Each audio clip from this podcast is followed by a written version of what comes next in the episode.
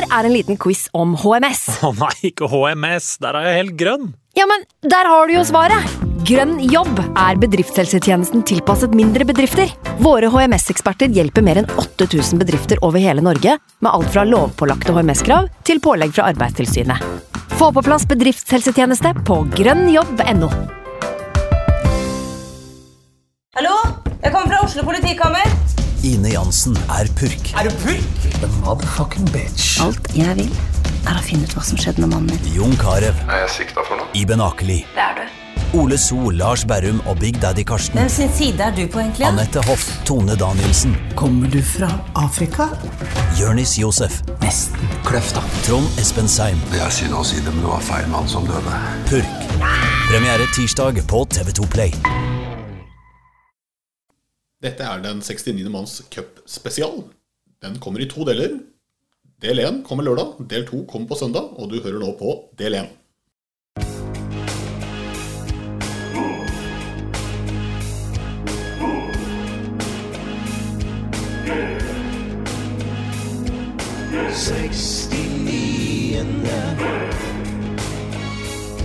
Den 69 and 69 and then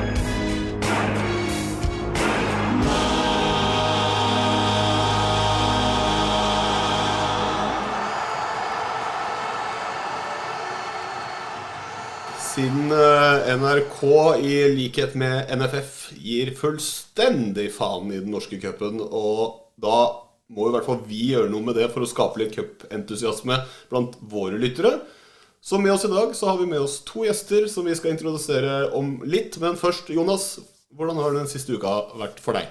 Nei, som alle andre uker, egentlig. Det går i jobb og eh, fotballtrening og sykdom og veldig mye sykdom i eh, 2023. Så eh, på siste dag på antibiotikakur i dag nå, så da håper jeg det Nå håper jeg det snur. Eh, Frank, vi hopper til deg. Har det skjedd noe med deg? Eh, Veldig mye mindre enn hva forrige uke. Landa litt etter eh, Europa-exiten, så det har egentlig bare gått i mye arbeid for å ta igjen eh, det tapte for å ha vært i Polen og Tyskland. Så veldig kjedelig uke frem til nå. Du også, Snorre? Nei, eh, ikke så veldig mye å melde for meg, men jeg har jo fulgt med litt på treningskamper, da. Bygd opp litt i cupspesial. Gleder meg veldig til det. Veldig glad i cupen, sant. Eh, Og har returnert etter sykdom. Det er jo dette med unger, da. Du er syk, så jeg er veldig glad for at, det hele tatt er frisk nok til å kunne sitte her og prate med dere i dag. ja. Så det, jeg er eh, strålende fornøyd, egentlig. Selv om jeg ikke har gjort omtrent noen ting. Så det går bra, det. Men eh, Jonas, den eh, forrige episoden Ja. ja, den fikk vi jo mye feedback på. Du, vi hadde jo en veldig fin episode ja. med Pernille og sånn. Ja, det var veldig ålreit. Det ble faktisk eh, Jeg syns det var egentlig bedre enn hva jeg hadde forut, eh, forestilt meg på forhånd. Ja. Eh, Så har det jo blitt en del eh, tilbakemeldinger, både positivt og negativt. Noen ville jo at vi skulle ha pressa mye hardere, noen ville at vi skulle gå mer i dybden eh, rundt Jim Solbakken.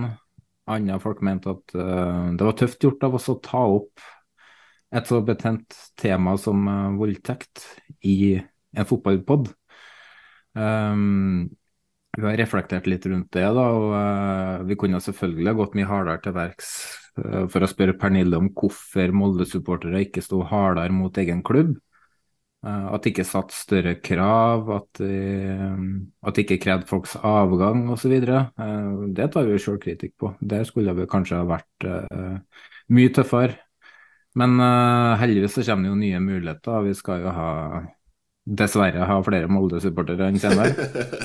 ja. uh, når det gjelder uh, Jim Solbakken, så er jo det um, en interessant karakter som har interessert meg ganske lenge, negativt. Aldri hørt deg omtale ham på en så fin måte. En interessant karakter. Nei, prøv å, prøve å spare litt krutt til senere, da. Men eh, vi skal gå mer i dybden på Jim Solbakken og hans tilknytning til Molde senere. Eh, men vi prata jo litt med Pernille før episoden, og vi ble gjort oppmerksom på at hun hadde ikke eh, så veldig mye kunnskap om Solbakkens eh, tilknytning til Molde. Og Derfor så, så vi heller ikke noe poeng i å nevne i noe annet i en bisetning. Så det er jo òg noe Mitt ønske er at vi kan få med noen fra Tornekrattet, eller som har vært med Tornekrattet tidligere, og prate litt om akkurat den problemstillinga der, da. Um, om hvorfor Molde ikke var tøffere mot egen klubb. Uh, og så må jeg jo si at jeg uttalte meg jo litt svakt på Twitter sjøl og skrev at vi måtte jo begynne å bli ferdig med SAR-saken. Og um, der ordla jeg meg litt uh, feil. Det jeg mente var at vi må bli ferdig med å konfrontere uskyldige supportere som har tatt avstand til selve hendelser, um, og som i tillegg har hatt nær relasjon til offeret. Uh, for det skjer uh, ofte. Um, at er det noen vi skal ta for det, så er det jo Molde fotballklubb og eventuelle supportere som bevisst har forsvart klubben og osv. osv. Men vi lærer på veien, og vi takker for alle tilbakemeldinger vi har fått. Utover det så er vi fornøyd med sesongen. Og, og til de som mener at vi skal stå hakke på gjestene våre i to timer, så det er ikke vi. Og um, ja, Vi er i hvert fall ferdig med Molde i den sammenhengen her nå, og beveger oss videre til, episode, til det episoden egentlig skal handle om, da, nemlig den norske cupen. Ja, og så er Molde med i cupen, så det kan hende at vi skal snakke litt om Molde. Men vi vil bare si det, vi takker for alle gode tilbakemeldinger. Det var for det meste hyggelige og konstruktive tilbakemeldinger. Det tar vi med oss. Så vi, vi lærer mens vi går.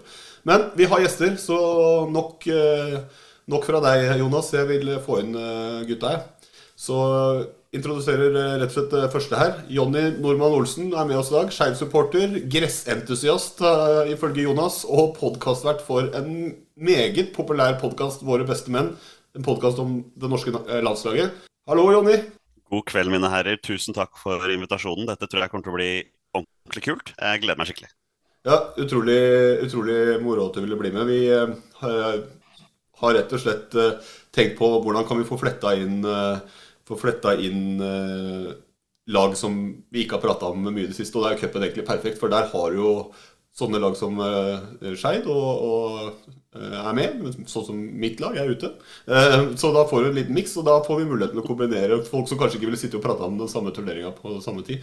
Men nok om, nok, om, det. Hva, hva, skjer i Skeid om dagen? Hvordan er ståa der? Er, dere redda jo plassen i fjor. Og hvordan er optimismen? Hvordan ser dere på, på fremtida? Jeg tenker at optimismen i Skeid er i hvert fall bedre nå enn den var før seriestart i fjor. Det er vel ingen hemmelighet at vi sleit noe voldsomt den første halvdelen av sesongen i fjor og tok seks poeng på de 15 første kampene. og Hvis ikke det er nedrykkstakter, så er det jo ingenting som viser det. Men vi ga på en måte liksom aldri opp. og Hovedtrener Gard Holme tok noen grep om sommeren, bytta litt på formasjonen. Fikk inn et par lånespillere som viste seg å være veldig viktige for oss. og fra, på de 15 siste kampene så tror jeg vi tok sjette flest poeng av alle lagene i Obos-ligaen.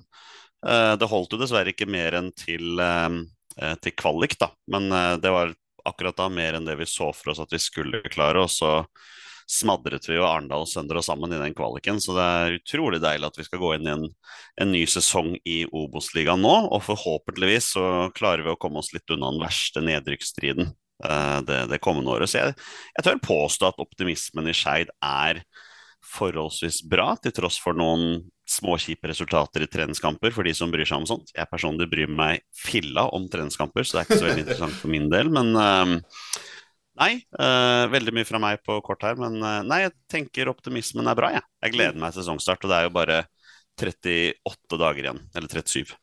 Ja. Nei, men jeg fulgte litt med på jeg må bare si det, jeg følte litt med på Skeid. Jeg er jo fra Oslo sjøl, så jeg, når jeg ser litt ekstra på Oslo-laga i Obo, så håper jo heller at de holder seg en eh, ja, lag fra f.eks. ute i ute i Romerike eller rundt omkring. Så, men som, dere hadde jo en ekstrem evne til å slippe inn på overtid på den første halvdelen i hvert fall av sesongen.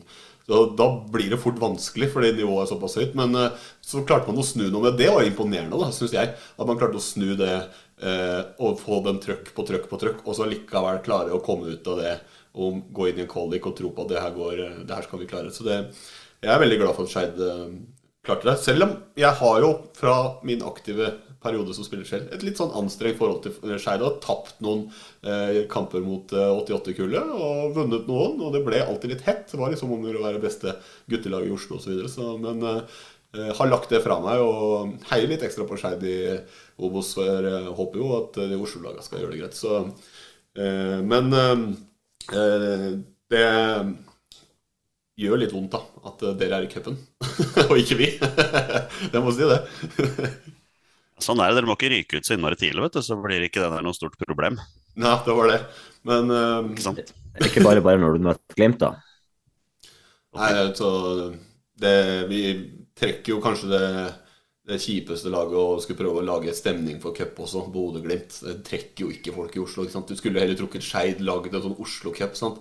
Eh, det blir litt sånn Grorud Cup. Skeid og Vålerenga møtes i cupen. Men eh, Bodø er det ingen som bryr seg om midt i jul, eller hva det var for noe. ikke sant? Det er folk på ferie. Det orker ikke folk.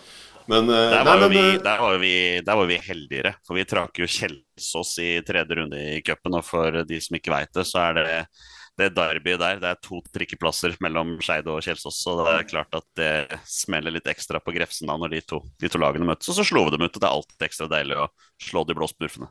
Det er Kjelsås som er eh, Det er erkerival for deg? Av, av Ja, det har jo blitt det, da. Ja, det har jo blitt det. Uh, mest av Kjelsås sjøl og måten de har oppført seg mot oss de siste ti årene. Uh, så har det på en måte blitt en sånn greie rundt det. Og, og engasjementet. Det er liksom den eneste kampen hvor det faktisk kommer folk på Grefsen stadion. Det er når vi kommer dit, men det er til gjengjeld ganske mye folk også. Så det blir ordentlig smelling. Og hovedtreneren til Kjelsås, Eivind Kampen, har aldri lagt skjul på at han ikke er glad i Skeid. Så det blir jo ekstra fyring rundt det. og spillerne på lagene kjenner hverandre. ikke sant? Det blir mye sånn skryterettigheter innad der, og det er liksom, de kampene er innmari viktige for folk. og Da var det ekstra moro at vi dro opp dit og vant med et forholdsvis redusert mannskap, og så var det ekstra deilig at vi vant på straffekonk. Ja, det er deilig å vinne på straffekonk. Men uh, vi skal jo prate om cupen, og vi skal få inn en gjest til snart. Men jeg må bare spørre deg helt til slutt før vi introduserer uh, nestemann. Uh, den norske cupen, hva, hva betyr uh, den for deg personlig? Den norske cupen betyr enormt mye for meg. Det har alltid vært noe jeg har sett vel, satt veldig stor pris på. Det er noe jeg alltid har vært veldig spent på. Når første runde kommer, hvem man skal møte, fulgt med på trekninger når det gjelder. og den norske cupen har en veldig høy stjerne hos meg, så jeg er ekstremt glad for at vi får en ordentlig cup i gåseøynene den sesongen her, i forhold til en sånn cup fordelt over to år og alt det der tullet der. Så Ja, det skal vi snakke litt mer om mer å si eh, det. Det skal vi snakke litt mer om seinere, faktisk. Så det, det, er, det er fint at det engasjerer deg. Men eh, har du eh, veldig kort et sånt beste minne? Eh, Jeg, jeg veit jo kanskje svaret på det, nesten, men eh, kanskje jeg vet det. Men har du beste minne fra cupen? Ja, det, det går dessverre utover ditt lag, eh, Snorre. Det er ikke noen tvil om det. Da skal, vi, da skal vi helt tilbake til 2003. Da hadde vi nettopp slått ut Sogndal på hjemmebane i cupen på Voldsløkka. Eh, og de var jo ganske høyt oppe der. Jeg tror faktisk de var serieleder eller andreplass i Eliteserien eller sånt det året. Og så får vi Vålerenga på Ullevål. eh, og da drar vi dit og vinner 3-1. Det var jo kampen hvor Daniel Bråten og Daniel Fredemholm virkelig kom på kart i, eh, i norsk fotball. Og den kampen er også en og alene en grunn til at jeg misliker Ari Rønsen svært mye, men den historien kan vi gå inn på ved en senere anledning.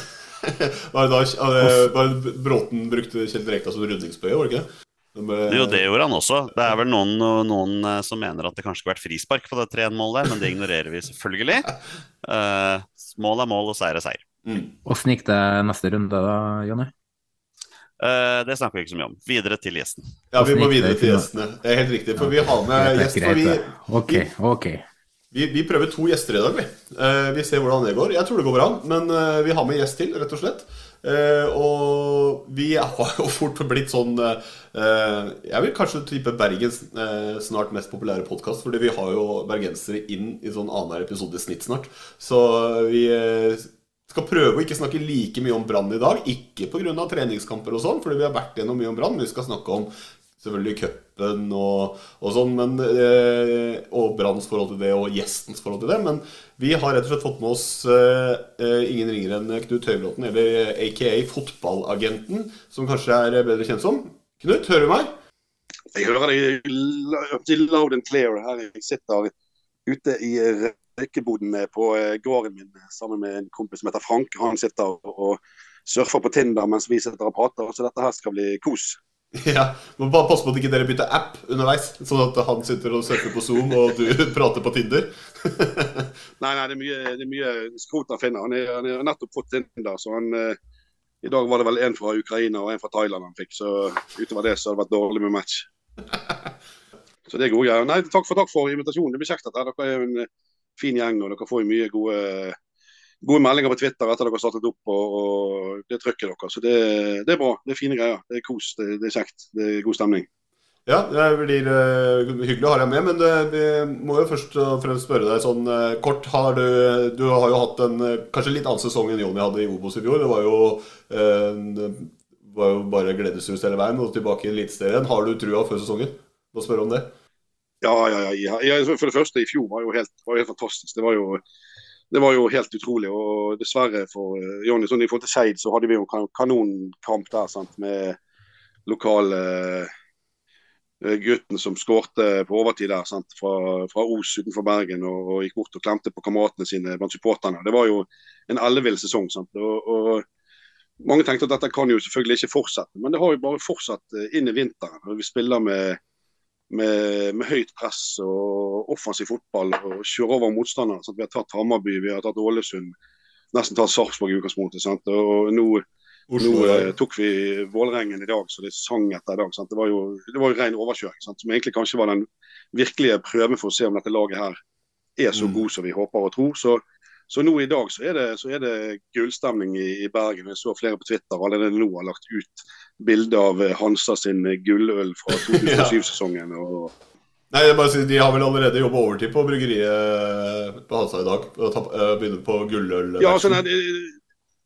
det er vel ingen byer, i Bergen, ingen byer i Norge som er så tidlig ute med å, med å eh, servere gullmedaljen til eget lag som eh, bergensere. Vi er jo eh, kroniske optimister. Sant? Jeg tror jo dette her hvert år nesten, ikke hvert år, men ofte så kan vi ha veldig god troen. Og, og det går jo gjerne ikke veien, og sikkert ikke i år heller. Men hvis de klarer å fortsette det spillet de har gjort nå i vinter og opprettholde formen, så er jo dette her eh, så gjør dette her kjempe, kjempemuligheter på, på, eh, på alle måter. altså. Så det, det er veldig gøy Det er veldig gøy å være bransjepåter om dagen. Veldig, veldig gøy. Så Mm. jeg gleder meg nå helt, eh, helt sinnssykt til sesongen. Eh, og nå allerede, neste helg, så er det jo cupkamp mot Haugesund.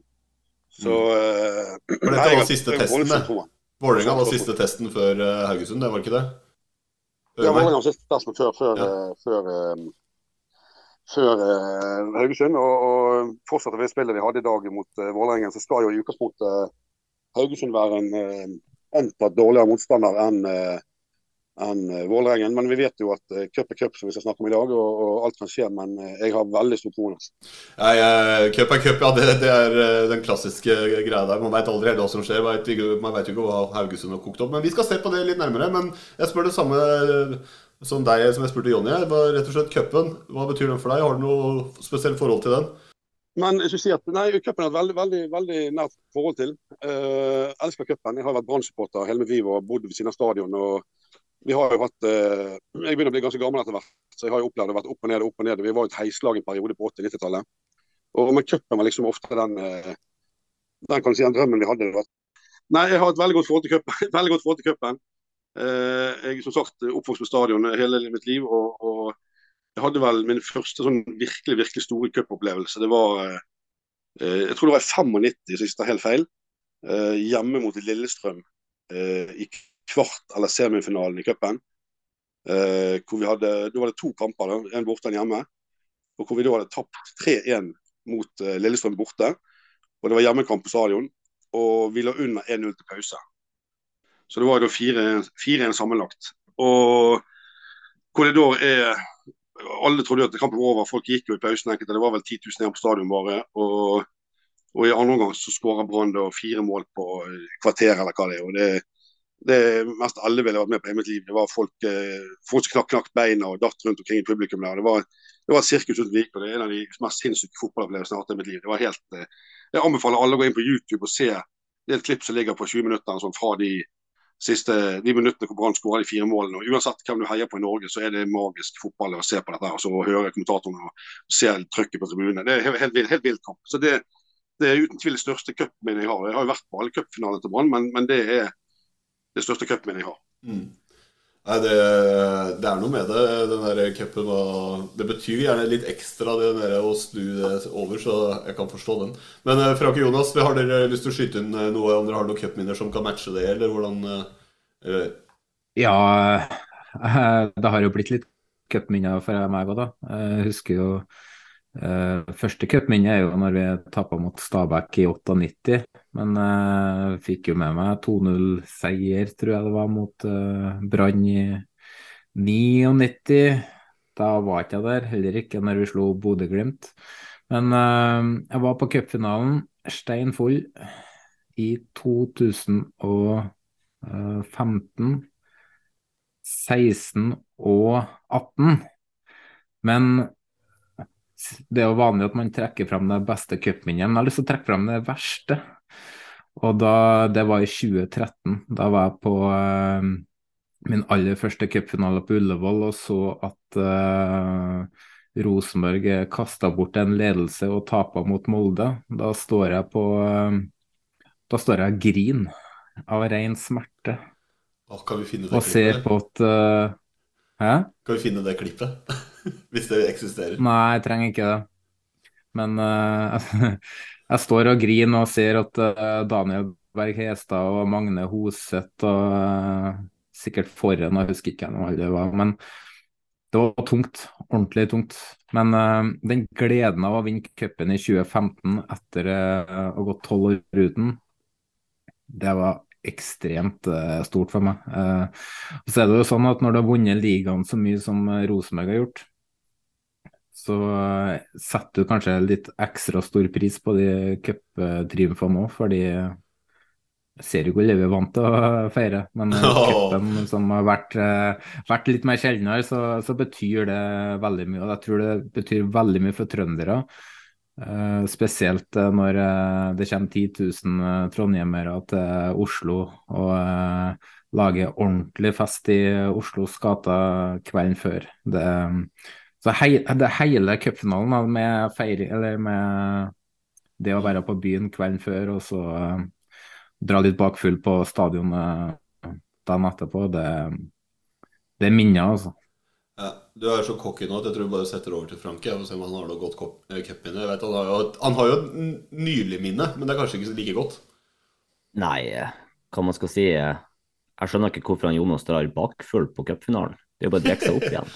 Ja.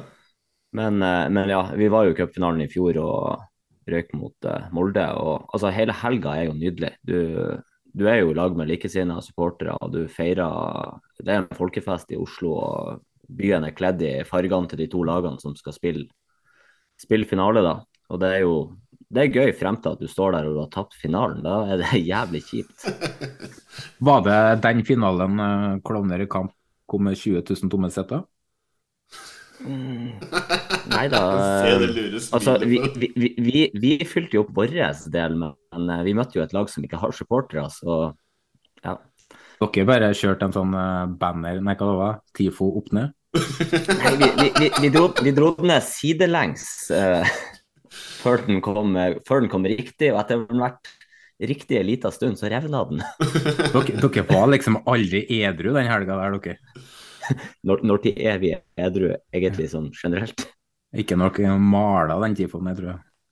Nei, det, det skal, kan jeg bekrefte, det var vi ikke, men det er alltid pils på tifodugnader, så Nei, men eh, ja. eh, Cupfinalen i fjor er jo ferskt i minne. Jeg har jo et par andre eh, cupminner, og når Jonas sier verste minne og eh, et klipp, så har jeg noe jeg har lyst til å dra frem akkurat der, og det er tredje runde i 2015.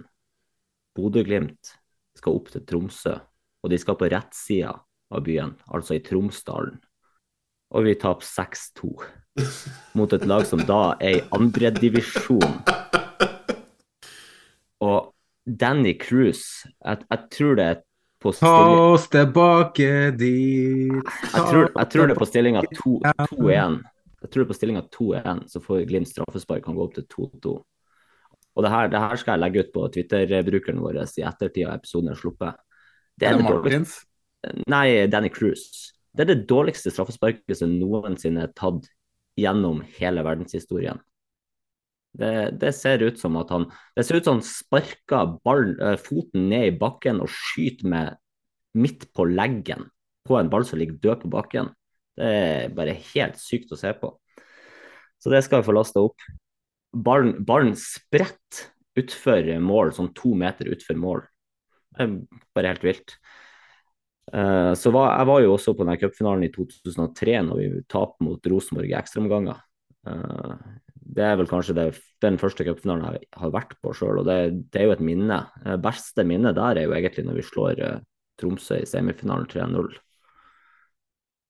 Utenom det så har jeg ikke gravd så veldig mye i minner, men cupen Jeg er veldig glad for at vi tar en uh, cupepisode her nå, fordi at cupen uh, det er en sterk tradisjon uh, og noe vi uh, supportere må holde sterkt på her i Norge. Og vi skal vel tilbake til en diskusjon nå snart om, yes, vi skal det. Vi, om cupoppsettet osv. Men, men jeg mener det at vi må, vi må, holde på de tradisjonene vi har i forhold til cupen. Og cupen for meg, når jeg vokste opp og Glimt aldri var noe lag som kunne utfordre om noen medaljer i serien, så var cupen alltid den, det halmstrået du hadde om at noe kunne skje dette året. Så jeg har alltid, alltid vært glad i cupen. Alltid vært liksom glad i å se trekningene eh, Altså fester, folkefestene som er på de første rundene, og liksom alltid den spenninga som er knytta opp mot hver eneste runde. Så cupen, den eh, den må vi eh, få styrka, for det gjør ikke rettighetshaver. Yes.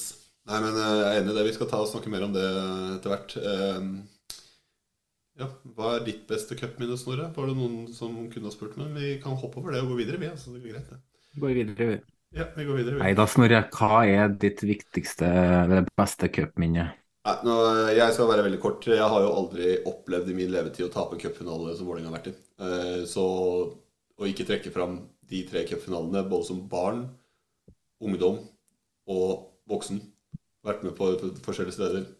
Solklart mine tre beste minner. Så nytter ikke å, å, si noe annet enn det. Så vi trenger ikke å dvele ved det. Men jeg har noen dårlige, jeg også. F.eks. det som er Jonny sitt beste, er eh, et av mine verste. Så når den dukker opp, så får jeg litt vondt inni meg. Jeg gjør det. Så, men eh, vi skal fokusere på cupen som er nå.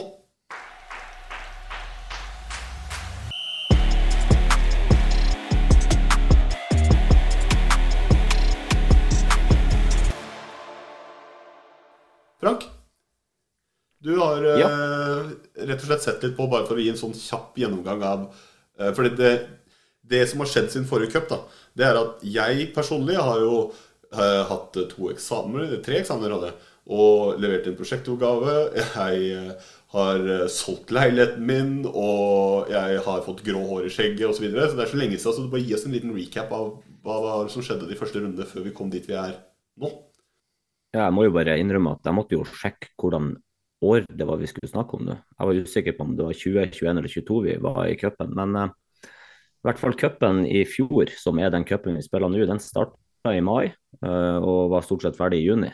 Uh, skjedde ikke så mye spennende i første, første runde av cupen, men allerede i runde to så var det jo flere eliteserielag og topp Obos-lag som begynte å slite bl.a. Start, Molde, Stabæk, Viking og ikke minst Vålerenga måtte ha Vålerenga skåra to mål på overtid. Så det var fem lag der som snubla seg videre. Eh, Odd, Jerv og Rosenborg måtte ha ekstraomganger for å gå videre. Og Mjøndalen, Strømsgodset og Sarpsborg røyk alle ut allerede i runde to for eh, vesentlig svakere motstand. Så det var allerede gått noen cupbomber i runde to allerede.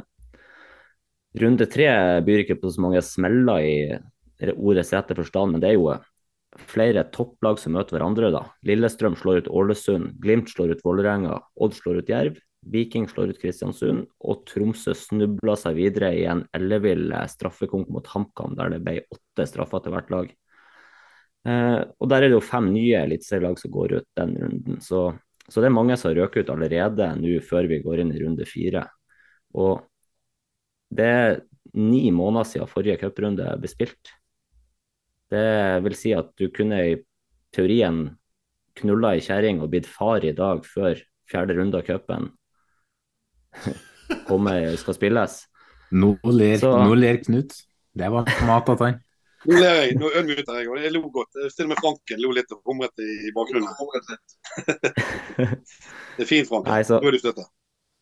Så det som er, det som er litt sånn Det jeg stiller spørsmålstegn med, er hvordan i helsike klarer ikke NFF å få ferdiggjort cupen for 2022 i 2022, når vi har eh, sju- seks-sju måneder igjen fra juni til året er over på å bare spille de jævla rundene.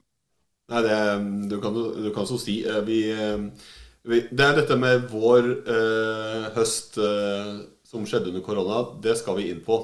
Eh, men vi har i hvert fall fått med oss nå hvor vi er. Det er fjerde runde som skal avvikles. Allerede når vi sitter her på en fredag, allerede på søndag så skal eh, Bodø-Glimt eh, reise til Trondheim og møte Ranheim i fjerde.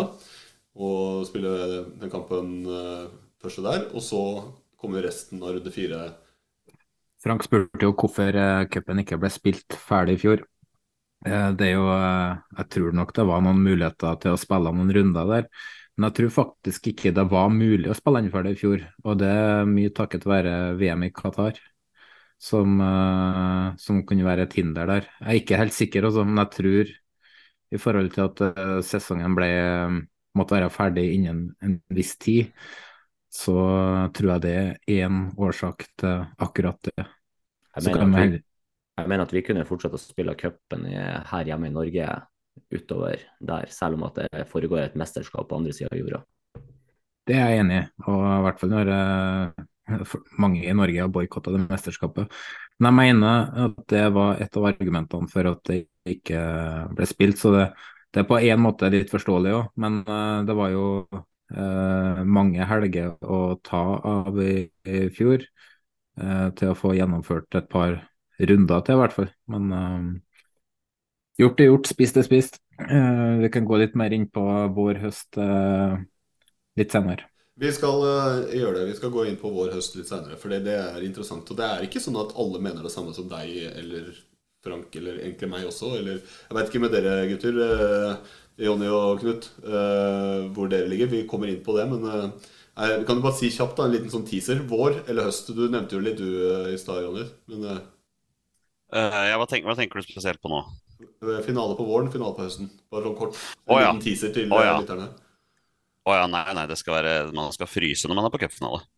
Knut, skal man fryse, eller skal man eh, Du fryser kanskje ikke med eh, Nei, jeg vet ikke. altså, jeg, jeg, Det er jo eh, si- feil å si et vanskelig spørsmål. Jeg, jeg, jeg er jo en tradisjonsrik mann. Sant? Liker å ha det sånn som det har vært. Og, og det eneste som kan, altså Jeg jeg liker at det, at det, at det er på høsten. Definitivt at det blir avgjort innenfor samme kalenderår. Syns det er mest ryddig måten å ha det på. Det blir veldig sånn uryddig hele greiene når det er liksom halvveis her og halvveis der. Eh, det eneste er at eh, jeg skjønner ikke hvorfor de må legge cupfinalen til klokken ett på en søndag. Hvorfor De ikke, de hadde vel ett år hvor de prøvde å ha den De hadde vel ett år de prøvde å ha den på lørdag, hadde ikke det? Det var, det var Rosenborg-Brann i, i 1999, eh, og det handla vel om Rosenborg sin deltakelse i Champions League. Okay, Ok, så det var, ikke, det, var ikke for å prøve, det var ikke for å prøve konseptet, liksom. Det var mer sånn at de måtte ha det på den måten. Det er der Bodø-Glimt har fått den der tilretteleggingssjargongen sin fra. Fra Rosenborg tråkka opp stien i 99. Ja, ja, ja. Jeg tror Rosenborg skulle eh, spille Champions League-kamp eh, den tirsdagen, hvis jeg ikke tar helt feil. Så da ble det lørdagskamp. Nettopp. nettopp. Nei, men det, jeg syns det er en fin måte å avslutte sesongen på. Det er veldig gøy å ha den eh, cupfinaleturen som en eh, rosin i pølsen på slutten der. Men eh, det er knallhardt å kjøre seg på ræv lørdagskvelden og så opp liksom, eller kanskje ikke gå og legge deg engang. Og så må du, så Franke snakket om i sted, du må bare fortsette å drikke deg opp igjen utpå formiddagen på søndagen. Den, er ganske en så slem, slem måte å legge det om på. så De burde lagt det på lørdag. Men eh, for å svare på spørsmålet, jeg syns definitivt at vi skulle ha den på høst. Yes.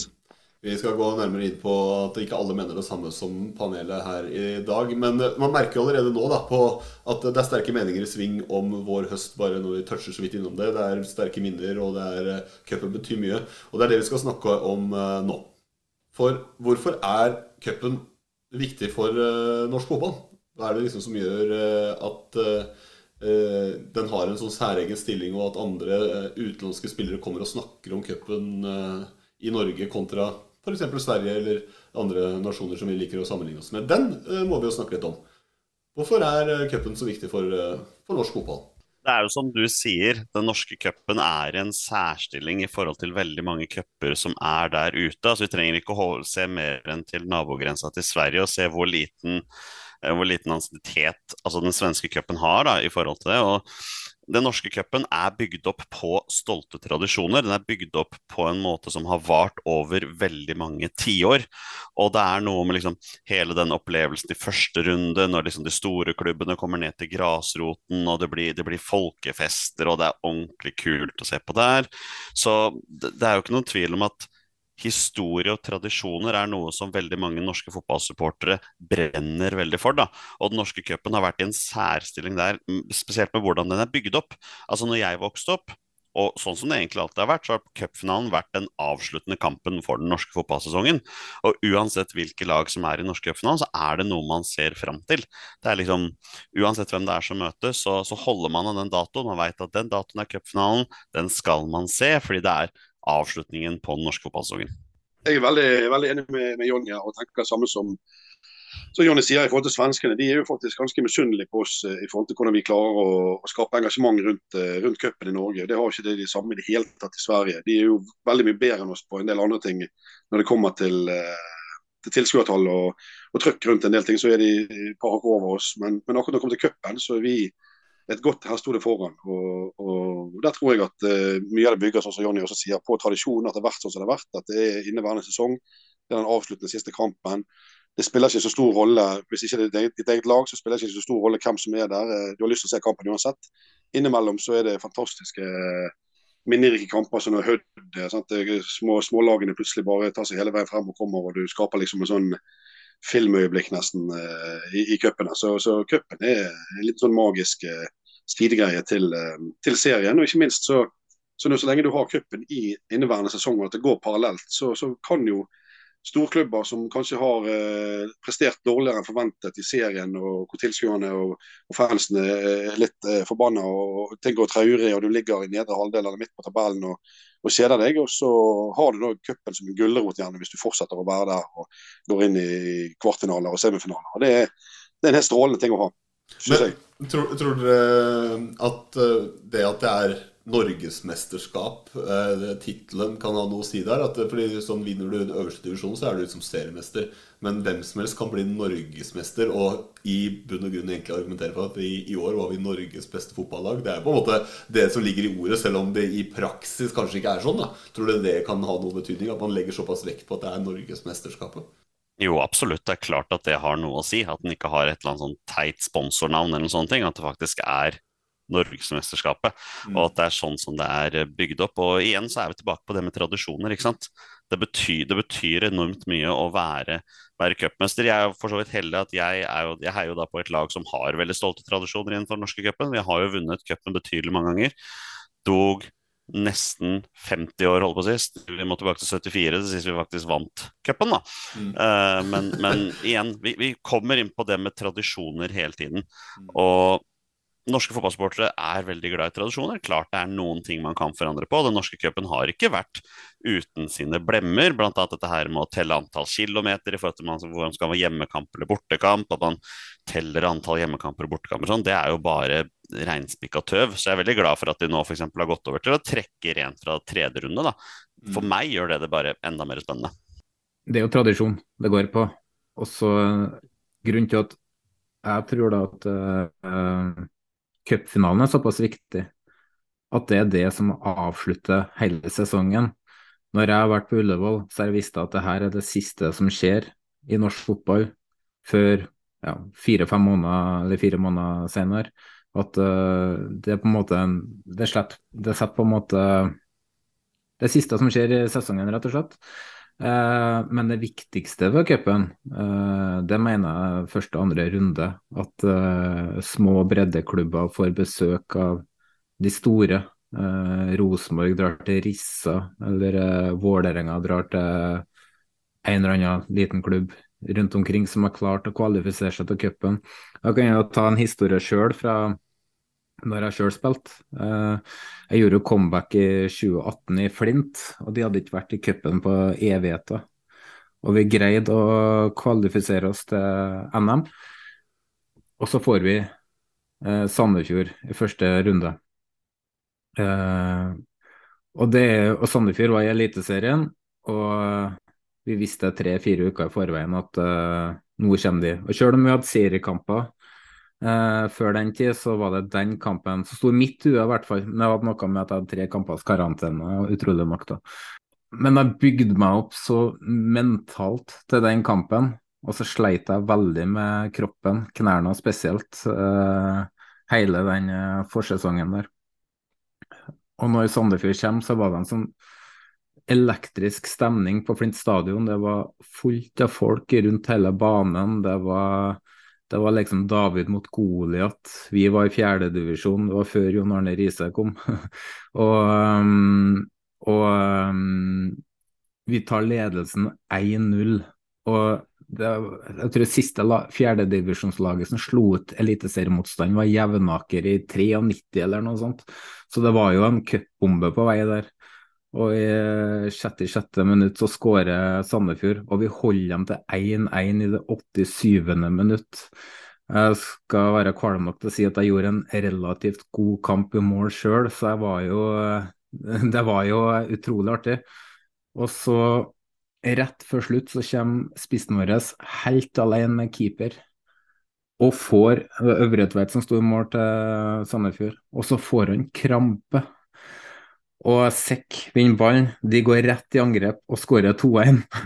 Men så nære var vi å smelle av en cutbombe. og idet kampen var ferdig Flint-supportere, hvis du kan kalle det for det, storma banen sjøl med tapa. Vi sto og skrev autografer til barn. Uh, og i det øyeblikket bestemte jeg meg for at nå legger jeg opp. Fordi nå sli, jeg slitt så mye med Jeg sleit så mye med kroppen med knærne, og det var lide seg gjennom hver kamp, eller hver trening hver dag på jobb for å få gjennomført kamper pga. knærne. Men akkurat der og da så skjønte jeg at det her, det kan jeg ikke toppe. Nei, du pika du, da? Rett og slett. Du pika med 2-1-tap mot uh, Sandefjord? Jeg, jeg, jeg pika ikke ferdighetene mine. For jeg var jo bedre Jeg var jo et år uten der jeg spilte, og jeg var nei, opplevelsesmessig. langt bedre før. Men ja, opplevelsesmessig så pika jeg og har skjønt at det her eh, får ikke jeg oppleve igjen. Nå, skal jeg, hvor skal jeg hente motivasjonene? Så jeg bare la skoene og hansker på hylla. Eller jeg gjennomførte sesongen som backup hvis det skulle være krise, men mentalt sett så var jeg ferdig etter den kampen. Og jeg ga meg på en måte mentalt sett da på topp. Så det var en sånn fin minne, et fint minne for meg. da. Ja, men det, det, er noe med det, uten at jeg skal bruke for lang tid på det. Men hvis du sitter og ser på uh, disse cupsendingene hvor det er sånn målshow, hvor de følger live rundt omkring i Norge, og så får du se Det er jo gjerne én kameravinkel, maks uh, to-tre. Uh, og så får du Men du har lyd, og så ser du den scoringa, og så hører du disse 300-400 fremmøtte på et eller annet uh, jorde. Et eller annet som møter et eller annet førstedivisjons- eller eliteserielag. det jubelbruset uh, hva det liksom får fram av følelser i lokalsamfunnet. Og så Stort sett så rakner det. Men den derre drømmen om det der eventyret på hjemmebane, kanskje er det starten på den der underdog-historien osv., det er jo noe av det som gjør det, om ikke bare betydningen av det, men gjør det litt magisk. da. Det, det, er liksom bare det at et fjerdedivisjonslag kan få skåring da, mot et eliteserielag. De skaper jo minner for livet, spesielt for de som spiller, men òg for de som var, var, til stede på den kampen. Og for meg så er det cupen. Mm. Uh, og i tillegg så er det jo viktig for uh, økonomien da, til de småklubbene som faktisk får besøk av de uh, um, storklubbene som får økt sponsorinntekter i forhold til kampsponsorer, de får billettinntekter. Mm. Kanskje skaper det litt mer interesse rundt sin lokale fjerdedivisjonsklubb. Altså, det er så mye goder med første og andre runde i den norske cupen at uh, uh, i forhold til det vi kommer inn på etterpå med vår høst, da, så hvordan skal et uh, fjerdedivisjonslag som har gress, som, uh, gress på hjemmebanen, ta imot eliteserielag uh, på vinteren, f.eks. Det mm. Nei, ting må være som det er, rett og slett. For uh, ja. Ja, det, jeg må bare skyte inn at det, det får litt sånn samme følelsen av det der kan et fjerdedivisjonslag skåre mot et listelag. Det var som når vi lå under 11-0 mot Pekininhos i Norway Cup, og ene kompisen på laget klinka han i krysset på frispark, for han var frisparkspesialisten, og vi feira som vi hadde vunnet i Norway Cup. Det er litt den samme følelsen av det der målet, hva det betyr. om eh, å yppe seg mot de største. Så det er noe med, med det. Men det er det økonomiske. Jeg ser den. Men jeg likte jo litt det Frank sa, og jeg vet ikke om dere har noen tanker om det, Jonny eller Knut, men det derre eh, når man kanskje altså, Du kjenner jo kanskje litt på det, Jonny, at det er jo et stykke opp til at man kanskje vinner Eliteserien og, eller kjemper om medaljen i øverste divisjon. Og, og Brann har jo hatt sine turer opp og ned. Det er ikke sånn at medaljene kommer på rekke og rad. Men cupen, den serverer alltid et håp om en uforglemmelig dag. Kanskje løfte pokalen, få den tildelt av kongen. Det er noe med det. Nei, Jeg skal være ærlig og si at jeg har vel aldri tenkt tanken på at jeg noen gang skal få se at mitt lag løfter den pokalen. Eh, men det er klart at for meg som heier på et lag som er litt mindre i størrelse enn det dere heier på, så har cupen alltid vært innmari stort. Og for meg er det liksom alltid handlet om å komme seg forbi de to første rundene. Fordi du møter Vi har stort sett alltid vært i andre divisjon eller første divisjon, og da møter du lag som er lavere i de to første rundene. og Det er liksom først i tredje runde det kan begynne å smelle litt. da. Det som var innmari kjipt når jeg vokste opp, og store deler av 2000-tallet, var jo at var man et andredivisjonslag eller førstedivisjonslag som kom seg til tredje runde, så var du nesten sikra for bortekamp mot et eliteserielag. Og det var jo helt håpløst, men det var pga. det her med antall hjemmekamper kontra antall bortekamper og antall kilometer og sånn. Og det var også på en periode hvor NFF satte opp cupen. Så tredje runde var liksom alltid veldig kjedelig, for det ble jo ikke akkurat veldig cupstemning for disse eliteserielagene som skulle få et førstedivisjonslag eller andredivisjonslag på besøk. Det var ikke akkurat sånn at Lerkendal ble solgt ut hvis Nardo kom på besøk i tredje runde, liksom. Mm. Um, og det var liksom den, litt den samme følelsen vi, vi satt med også, da. Men cupen er stort. Cupen er gøy. og Det er liksom alltid muligheten til å klare å, å, slå ut et større lag. Det er liksom Den følelsen betyr innmari mye, da. Kan jeg ta Sandefjord som et eksempel. da. De var jo var det i 2006 eller noe sånt, de var i finalen mot uh, Fredrikstad. Det er en finale de snakker om ennå i dag, snart 20 år etterpå. Så det, for supportere så er det her med å skape minner, skape minne liksom. Det er vel det Sandefjord-supporterne snakker om, at de slo Rosenborg 4-2, eller jeg husker ikke resultatet, har fortrengt det helt. Men det skaper minner, det skaper håp og uh, entusiasme. Olav Sanetti har aldri vært bedre enn han var i den bortekampen mot Rosenborg. den cupkampen der. Vet ikke hvem det er snakk om. Nei. Jonas har en sånn, der, der, sånn merkelig evne til å sånne øyeblikk bare forsvinner fra hukommelsen hans, eller navn som har påført han kanskje smerte en gang. Bare forsvinner. Men Jeg har bare hatt selektiv hukommelse. Jeg har bare hatt ei dame hele mitt liv. Mm. Det, det, er det Et Lerkendal-syndrom, det der. ja. men nei, men cupen betyr, betyr, mye for mange, og det er mange gode aspekter der. Men Knut, har du noe du vil fylle på med? Har du noen andre synspunkter om hva cupen betyr, før vi går videre? Ja, altså synspunktet Altså, Cupen er jo kjempeviktig. Sant? Det er jo den muligheten eh, lagene nede ved divisjonen har til å komme. Så Jonas sier at det er jo helt fantastisk eh, både for publikum og han for fotballspillere. Sant? I fjerdedivisjon å kunne ha de der opplevelsene. Som han sier selv, at det er jo en høydere sant? i karrieren. og det er klart at De, de minnene der eh, det, de, de sitter så støpt. det, det er, nei, Cupen er, er, fantastisk, syns jeg. Jeg hadde en, en opplevelse i 2004. Da var Brann i cupfinalen. Jeg tror faktisk det var mot Lyn, hvis jeg ikke husker feil. Og, noe, og, Det er jo det med å skaffe de billettene til cupfinalen. Det er jo alltid et helvete å få tak i billetter. Det er jo Hele Bergen vil jo, eller de byene som vil, så alle vil jo ha billetter til cupfinalen. Og det er kanskje 8 10 000 som legges ut. Da hadde jeg eh, noen connections i Brann og var tidlig ute lenge før billetter kom ut. Og hadde fått meg tre flotte, fine billetter i posten. og Det var jo før internetten var på billettfronten. Og hadde disse fått hjemme, bodde på Østlandet da, hadde fått billettene og skulle ta med min bror og min nevø på på Ullevål, og, og, de lot være å kjøpe billetter, for jeg hadde jo fått flotte, fine billetter og greier. Da var jeg gift, eh, gift, med en dame på Østlandet, og, og, og dagen før, da når de kom bort og vi skulle bare finne disse billettene, så finner jeg jo faen ikke billettene dagen før cupfinalen. Og det var jo den største skandalen ever. Sant? Det gikk så galt at uh, hun, hun, er en oppegående dame, altså hun er ekskonen min. Men hun var så fortvilet til slutt at hun ringte faktisk en sånn spåkone til 30 kroner minuttet. Bare for å prøve å finne ut hvor de jævla billettene var. Hen. Og da hadde det gått noen runder først. Så jeg kan love deg, det var rimelig dårlig stemning hjemme når ikke de billettene kom på bordet. Men uh, de kom aldri på bordet. Så nå måtte jeg på svartebørsen uh, og styre og stelle og beise og base som et helvete dagen etterpå. Klarte å skaffe tre billetter forskjellige plasser til for oss. Da. Men, eh, men det var en blanding av et godt og et dårlig minne. Da. Det kjipe med den kampen var jo at eh, Brann ledet vel 4-0 etter 7-8 minutter. og så Resten av kampen var jo bare dritkjedelig. Men, eh, men eh, spåkone det anbefaler jeg ikke noen å ringe til. Det, det er ikke verdt det. Du, du, de finner ikke ut av noen ting. Ja, men, Det, eh, det kunne jeg fortalt deg, Knut. ja, det, jeg- det må en cupfinale til for å finne ut at nei, spåkoner, det, det trenger man ikke. Det, og det sier litt om betydningen av cupen, men uh, vi har toucha innom det. Skal vi gå videre om uh, og se på det vi tissa litt med i stad, kanskje?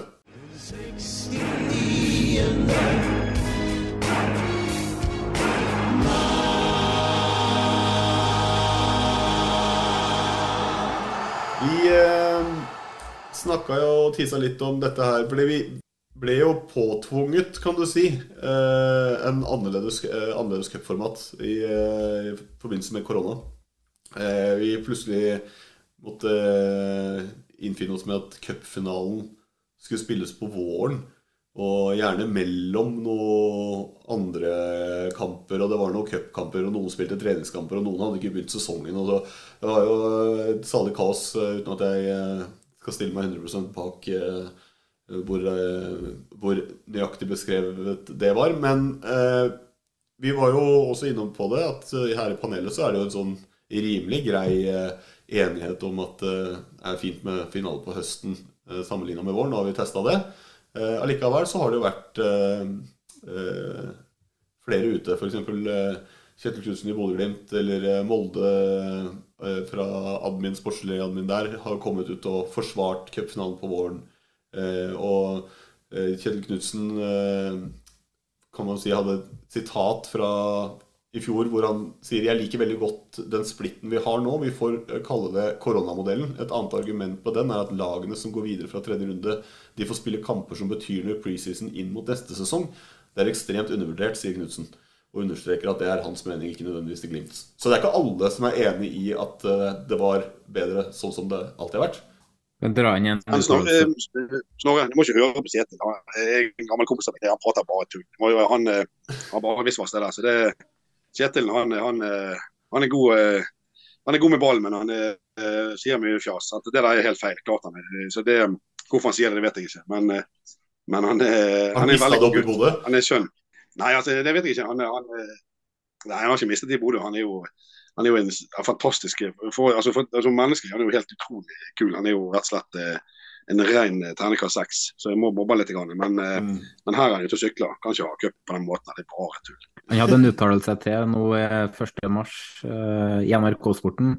Stikkord fra den uttalelsen var jo at uh, jeg mener vi trenger flere kamper over lengre tid, for da får vi et bedre produkt. Eh, Et godt forslag er å få NM før sesongstart, og vi har jo snakka litt om det nå. Det med breddeidrett og små klubber som får besøk av, eh, av de store, da. Eh, Som da som, det vil gå på bekostning av, fordi mange i fjerdedivisjon spiller jo på gress, som skal spilles, Jonny. Og øh, i tillegg så eh, så vi Jeg så treningskamp i dag, Rosenborg mot Ålesund. Eh, I dag er det 3. mars. Eh, den første omgangen der var jo en parodi uten like, for den banen var dekt av snø. Og for de som har spilt fotball på kunstgress med snø, så vet man at det er umulig. Vi pleier ofte å bare stoppe treningene ved når banen blir dekket av snø, fordi det øker skaderisikoen fordi det er glatt, ballen er glatt. Altså det, det er ikke spillbart, rett og slett. Og da mener Knutsen at vi skal starte sesongen tidligere. Men, uh, har da, han, det blir men har han et poeng, da? Han, eh, han, han går jo bare eh, faglig til verks her da, og sier at eh, noen lag, de som går videre, de som har fortjent det, de som har vunnet sin uh, tredje runde, de får spille kamper som betyr noe preseason. Og det mener han er undervurdert. Nå har jo Bodø-Glimt gjort det, da. Eh, så jeg skjønner jo at det kanskje kommer litt sånn derfra, men det er jo poeng, da.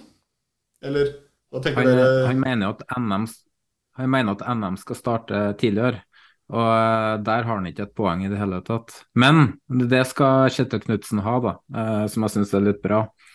På mange måter så minner han om Nils Arne Eggen der. Han går ut, han sier sin mening, han skaper debatt. Og det trenger vi mer av i norsk fotball. Da. Så det, det liker jeg at han, at han tør å si eh, hva han mener. Og Det gjør at vi kan sitte her og, og lage en debatt ut av det. Men jeg, jeg vil jo tro at 99 av 100 nordmenn er uenig i hva han mener. Jeg, jeg skjønner hva han mener ut fra et toppfotballperspektiv eh, i forhold til at eh, vi skal ha lag i Europa, at vi trenger eh, litt kortere pause. Hvis det er Premier League så har de kanskje seks uker pause, og vi har uh, fire måneder, eller uh, hva det er for noe. Jeg, ser det argumentet der, men fotballen i Norge er ikke bare toppfotball, det er breddefotball òg. Og det er der spillerne kommer ifra. Det er der de norske spillerne har starta. Braut Haaland starta i Bryne, han. Breddefotball. Så det må vi ikke glemme. Men hva, hva tenker dere, eh, Jonny og Knut? Har eh, Kjell Knutsen noe poeng overhodet, eller eh, blir det bare fjas? Du sa det jo litt da, Knut. Men... Ja, nei, jeg, jeg, altså, jeg, tuller med, jeg, tuller litt når jeg gjelder fjas, men det jeg tenker er at selvfølgelig er det en mann man skal lytte til, så er det Kjetil Knutsen. Han har jo si, fortjent sin rett til å kunne få litt tyngde bak det han mener. Han, han er jo antageligvis, eller åpenbart den beste treneren Norge har hatt siden Nils Arne Eggen. Og, og, og, gjør jo absolutt de rette tingene egentlig i alle ledd. Sånn men jeg tenker at han, han, han har gjerne fått litt annet perspektiv enn det, det, vi har. For han er fra trenerperspektivet. Han tenker med, med skylapper på og tunnelsyn i forhold til hva som er sportslig bra, hva som er bra for utviklingen i spillere, altså laget, eh, spillerne hans, eh, opp mot sesongen hans. Han tenker ikke på helheten, på, på, på, på hjertet, på, tradisjon, på klubb. på på vafler, på kaffe, på, på dugnad og, og, alt dette her andre som på en måte er viktig i cupen. Han tenker helt tunnelsyn i forhold til det profesjonelle. Og Der har han helt sikkert rett på mange av de tingene å legge frem der. Men totalbildet mener jeg blir helt feil. og Der er jeg enig med Jonas at 99 av 100 nordmenn som ser cup med, med hjerte og ikke med analyseverktøy, de eh, ønsker å ha cupen i samme sesong og, og sånn som det har vært eh, alltid. Ja, det, jeg, jeg, stiller meg bak den. Det er klart at Kjetil Knutsen skal få lov til å si meningen sin. og jeg tenker Så lenge debatten er konstruktiv, så skal han, skal han, få lov til å ha en mening. Og så må folk få lov til å være uenige. Jeg tenker at Det finnes en del folk som er på Roma der ute, som er generelt uenig i det uh, Kjetil Knutsen sier uansett. Men det er jo en helt annen sak. Um, men han etterlyser at cupen skal starte tidligere. Men hvor mye får egentlig en klubb som Bodø-Glimt ut av å spille første runde i cupen i februar-mars, når nivået på den motstanderen som de møter da, sannsynligvis er ganske lav. Sannsynligvis på en bane som rett og slett ikke er egnet for å spille der heller, for vi må erkjenne faktum at norske baner, som Jonas nevner her, i februar-mars ikke alltid er er klare for det. Altså Bare se på mitt eget lag. Vi skal, vi skal, møte, nei, vi skal møte, Molde i LSK-hallen i uh, vår fjerde runde neste uke, liksom. Og det er fordi NFF sa at vi fikk ikke lov til å spille i Valhall. Så det blir jo bare surr, hele greia. Kan skyte inn der, kan skyte inn der at Stabæk eh, skal jo ta imot Bryne. Den skal spilles på Bærum stadion. Ja, AJ Arena på Kadettangen. Der skal Stabæk få lov til å spille mot, uh, spille mot Bryne på en bane som er dårligere enn Valhall. Uh, det prøvde vi å bruke som et argument for at vi skulle få lov til å bruke Valhall, men der fikk vi uh, nei fra, fra, NFF av en eller annen grunn. Og jo, Da forsvinner jo litt av sjarmen med cupen òg. Det at du Når du først skal ta imot et stort lag på hjemmebane, og så er du ikke på hjemmebane det er bare i protokollen egentlig at det står på hjemmebane. Da jo, forsvinner jo litt av følelsen eh, av at man kanskje har sjanse pga. hjemmebanefordelen, pga. publikum, fordi at her er dette er vår arena. sant? Så eh, for, for, meg blir jo det sånn følelsesmessig så blir jo i hvert fall det et argument. da, At du kan dra det over til at det også har eh, betydning for utfallet, kanskje. Hva Skeid kanskje sitter igjen med å spille på Nordre Åsen eh, liksom, eh, i, en, i sesong, kontra å spille utafor i LSK-hallen. Det blir jo en helt annet, oppgjør. Helt andre rammer. Så kan man jo dra inn en kunstgras her, da. At uh, vi bor i vinterland. Lerkendal og Nadderud og LSK. De har ikke en hjemmebane som er ordentlig spillbar før det nærmer seg mai. Men spilles cupen i mars, og Da refererer jeg til Rosenborg sin treningskamp i dag igjen. Det kan fort komme snø, og det kan fort komme mye snø. Og da er ikke kunstgress spillbart heller, rett og slett. Og uh, vi kan si at uh, vi burde ha lengre sesong fordi at det vil være mer ideelt eh, med tanke på at vi får lengre konkurransesesong.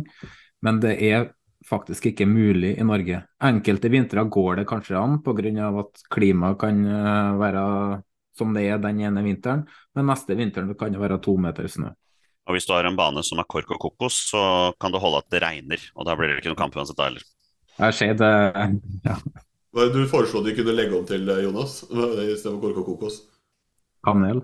Nei, Kanel og Nei, ikke. det? Så, Ja.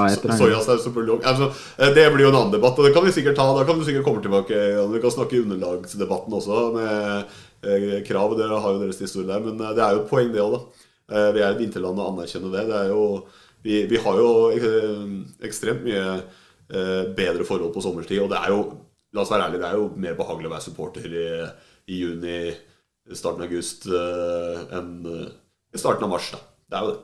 Jeg diskuterte det på Twitter nettopp. Diskuterte det på Twitter med at eh, folk mente at uh, folk drar jo på kamp selv om det er kaldt. Men nei, det gjelder ikke alle sammen. Og dessuten så har det noe med at uh, vi er en skinasjon. Uh, å sitte og se på at Klæbo går inn til VM-gull, og så skal du dra, dra på fotballkamp etterpå, det, det klinger ikke mine ører, altså. Hva, for, hva, Eh, foretrekker synes- du, hva foretrekker du, Knut? eh, Å dra på eh, kamp i mars eller i slutten av juni? Nei, altså, det, jeg, jeg, jeg skjønner problemstillingen, men, men nei, mars ikke, ikke, det er ikke det mest sexy tidspunktet å dra på kamp. Altså. Men selv om jeg nå gleder meg sinnssykt til neste, neste søndag mot Haugesund, så er altså Nå har det vært helt sinnssykt fint vær i Bergen nå i en uke, og 10-12 grader og sol på dagen. så det er klart at vi her i Bergen som er liksom på solkysten, har jo litt annet utgangspunkt når vi snakker om cup. For dette her er det jo litt sånn uh, sydeuropeiske tilstander. sant? Og, og det er mildt og fint gjennom hele, hele vinteren. Så vi har ikke det samme problemet når det kommer til banekvalitet. Men uh, tidlige cupkamper er ikke, ikke så sexy. Altså. Det, er ikke det, det, er ikke, det i det hele tatt. Så juni er fint. Juni er fint. Jeg også liker juni, men eh, Frank er kanskje uenig. Vil du skyte inn? Er det bedre å stå i baris i mars, eller foretrekker du juni nå? Eh, Bare-sesongen er året rundt, men eh, nei, eh, det, hele denne cupdebatten, der må jeg vel bare si det at uh, cupen skal spilles det året Det skal starte på våren og den skal avsluttes på høsten. Og så igjen, jeg kan jo også skyte inn det at jeg er den eneste som har vært på en cupfinale i, i mai av oss.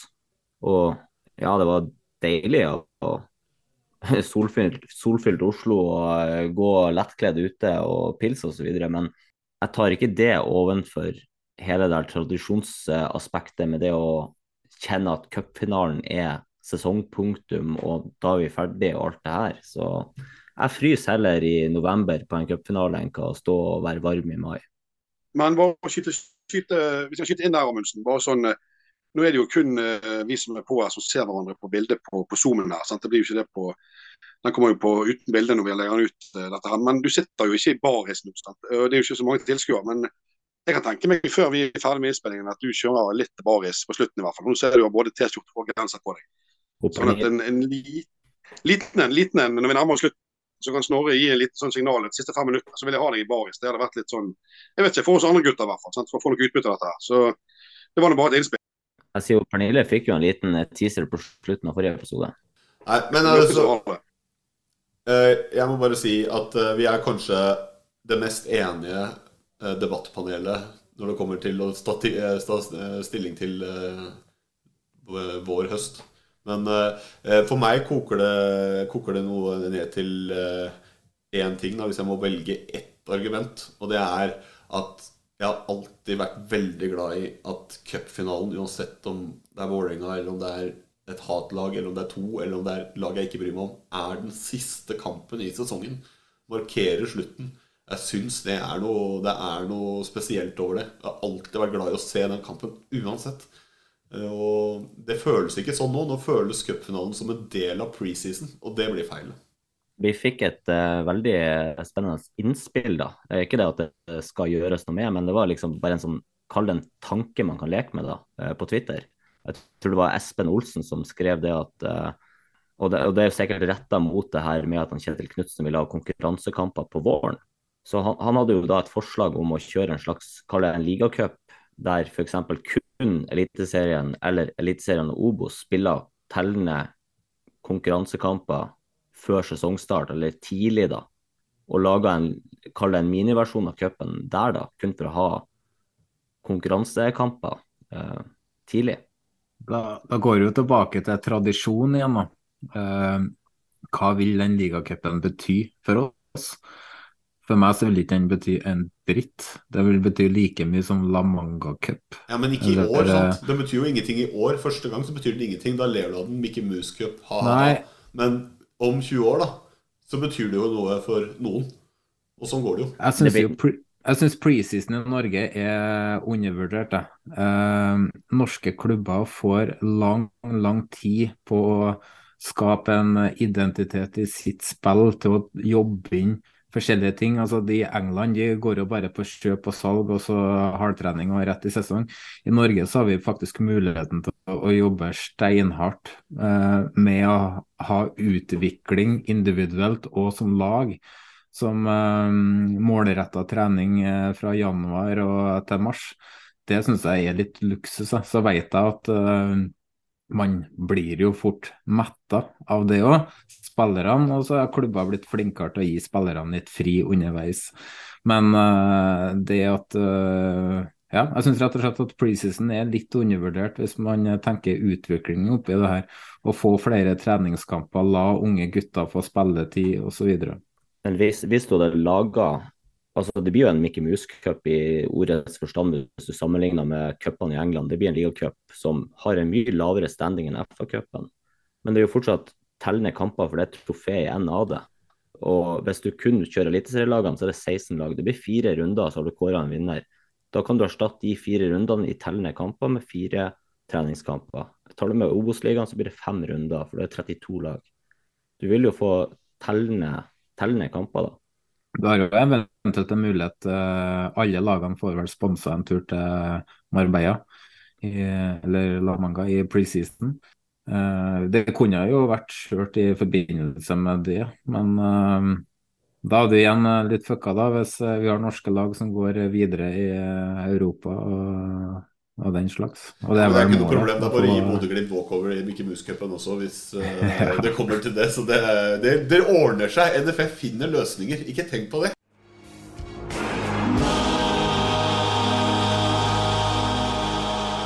Så det var eh, første halvdel, del én om du vil, av den 69. manns cup-spesial. Vi eh, skal i del to se på uh, cupen 2022, resten av cupen og cup 3. Vi skal spå utfallet, vi skal spå vinner, hvem som slår hvem. Vi har også en eh, kåring av eh, mulig stand-in for kongen hvis det skulle trengs. Og vi svarer også på spørsmål fra eh, lytterne der ute. Og selvfølgelig, noen skal til himmelen. Så følg med.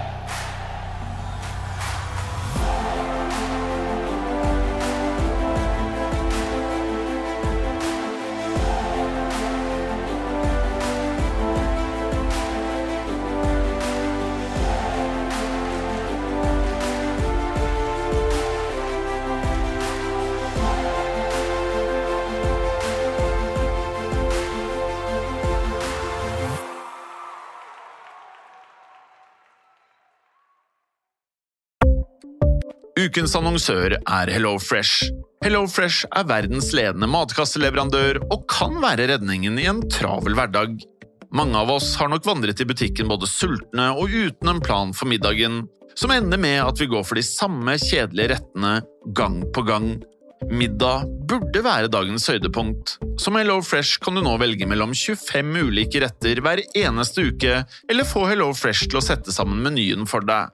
Dette gir deg muligheten til å prøve nye og spennende retter alene eller sammen med familien. Du velger antall porsjoner og får alt levert på døren på et tidspunkt som passer for deg. Oppskriftene er enkle, og maten er lett å lage både for store og for små. Ved å få alt levert hjem får du også mer tid til å dele matgleden med familie og venner. Kanskje det frister med asiatiske tacos eller greskinspirert kylling?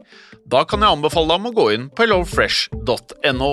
Her kan du bruke koden FOTBALL og få opptil 1779 kroner i rabatt på de første fem matkastene hvis du ikke har prøvd HelloFresh tidligere. Du kan også bruke rabatten hvis du har vært kunde og stoppet abonnementet ditt for tolv måneder siden eller lengre. Gå inn på hellofresh.no og bruk koden FOTBALL. Ukens annonsør er Folio, en smartere banktjeneste for deg som har en egen bedrift eller ønsker å starte for deg selv. Folio er en superenkel nettbank for bedrifter. Som kunde i Folio får du en bedriftskonto med et bedriftskort og app. I denne appen er det smarte løsninger som forenkler regnskapet ditt, uansett om du har en liten bedrift eller et enkeltpersonsforetak. Folio er både intuitivt og brukervennlig, og er laget med et enkelt språk. I tillegg tilbyr de forutsigbare priser og ingen skjulte gebyrer. Skulle du likevel trenge det, så kan du snakke med deres raske og hyggelige kundeservice, og der får du prate med en faktisk person og ikke en chatbot. Folio er med andre ord både enklere og koseligere enn banken. Over 10 000 bedrifter har allerede valgt Folio som sin banktjeneste, så besøk folio.no og se hvordan Folio kan forenkle din hverdag også. Har du et enkeltpersonforetak eller en liten bedrift? Da er du sikkert lei av å høre meg snakke om hvor enkelt det er med kvitteringer og bilag i fiken, så vi eh, gir oss her, vi. Fordi vi liker enkelt. Fiken superenkelt regnskap.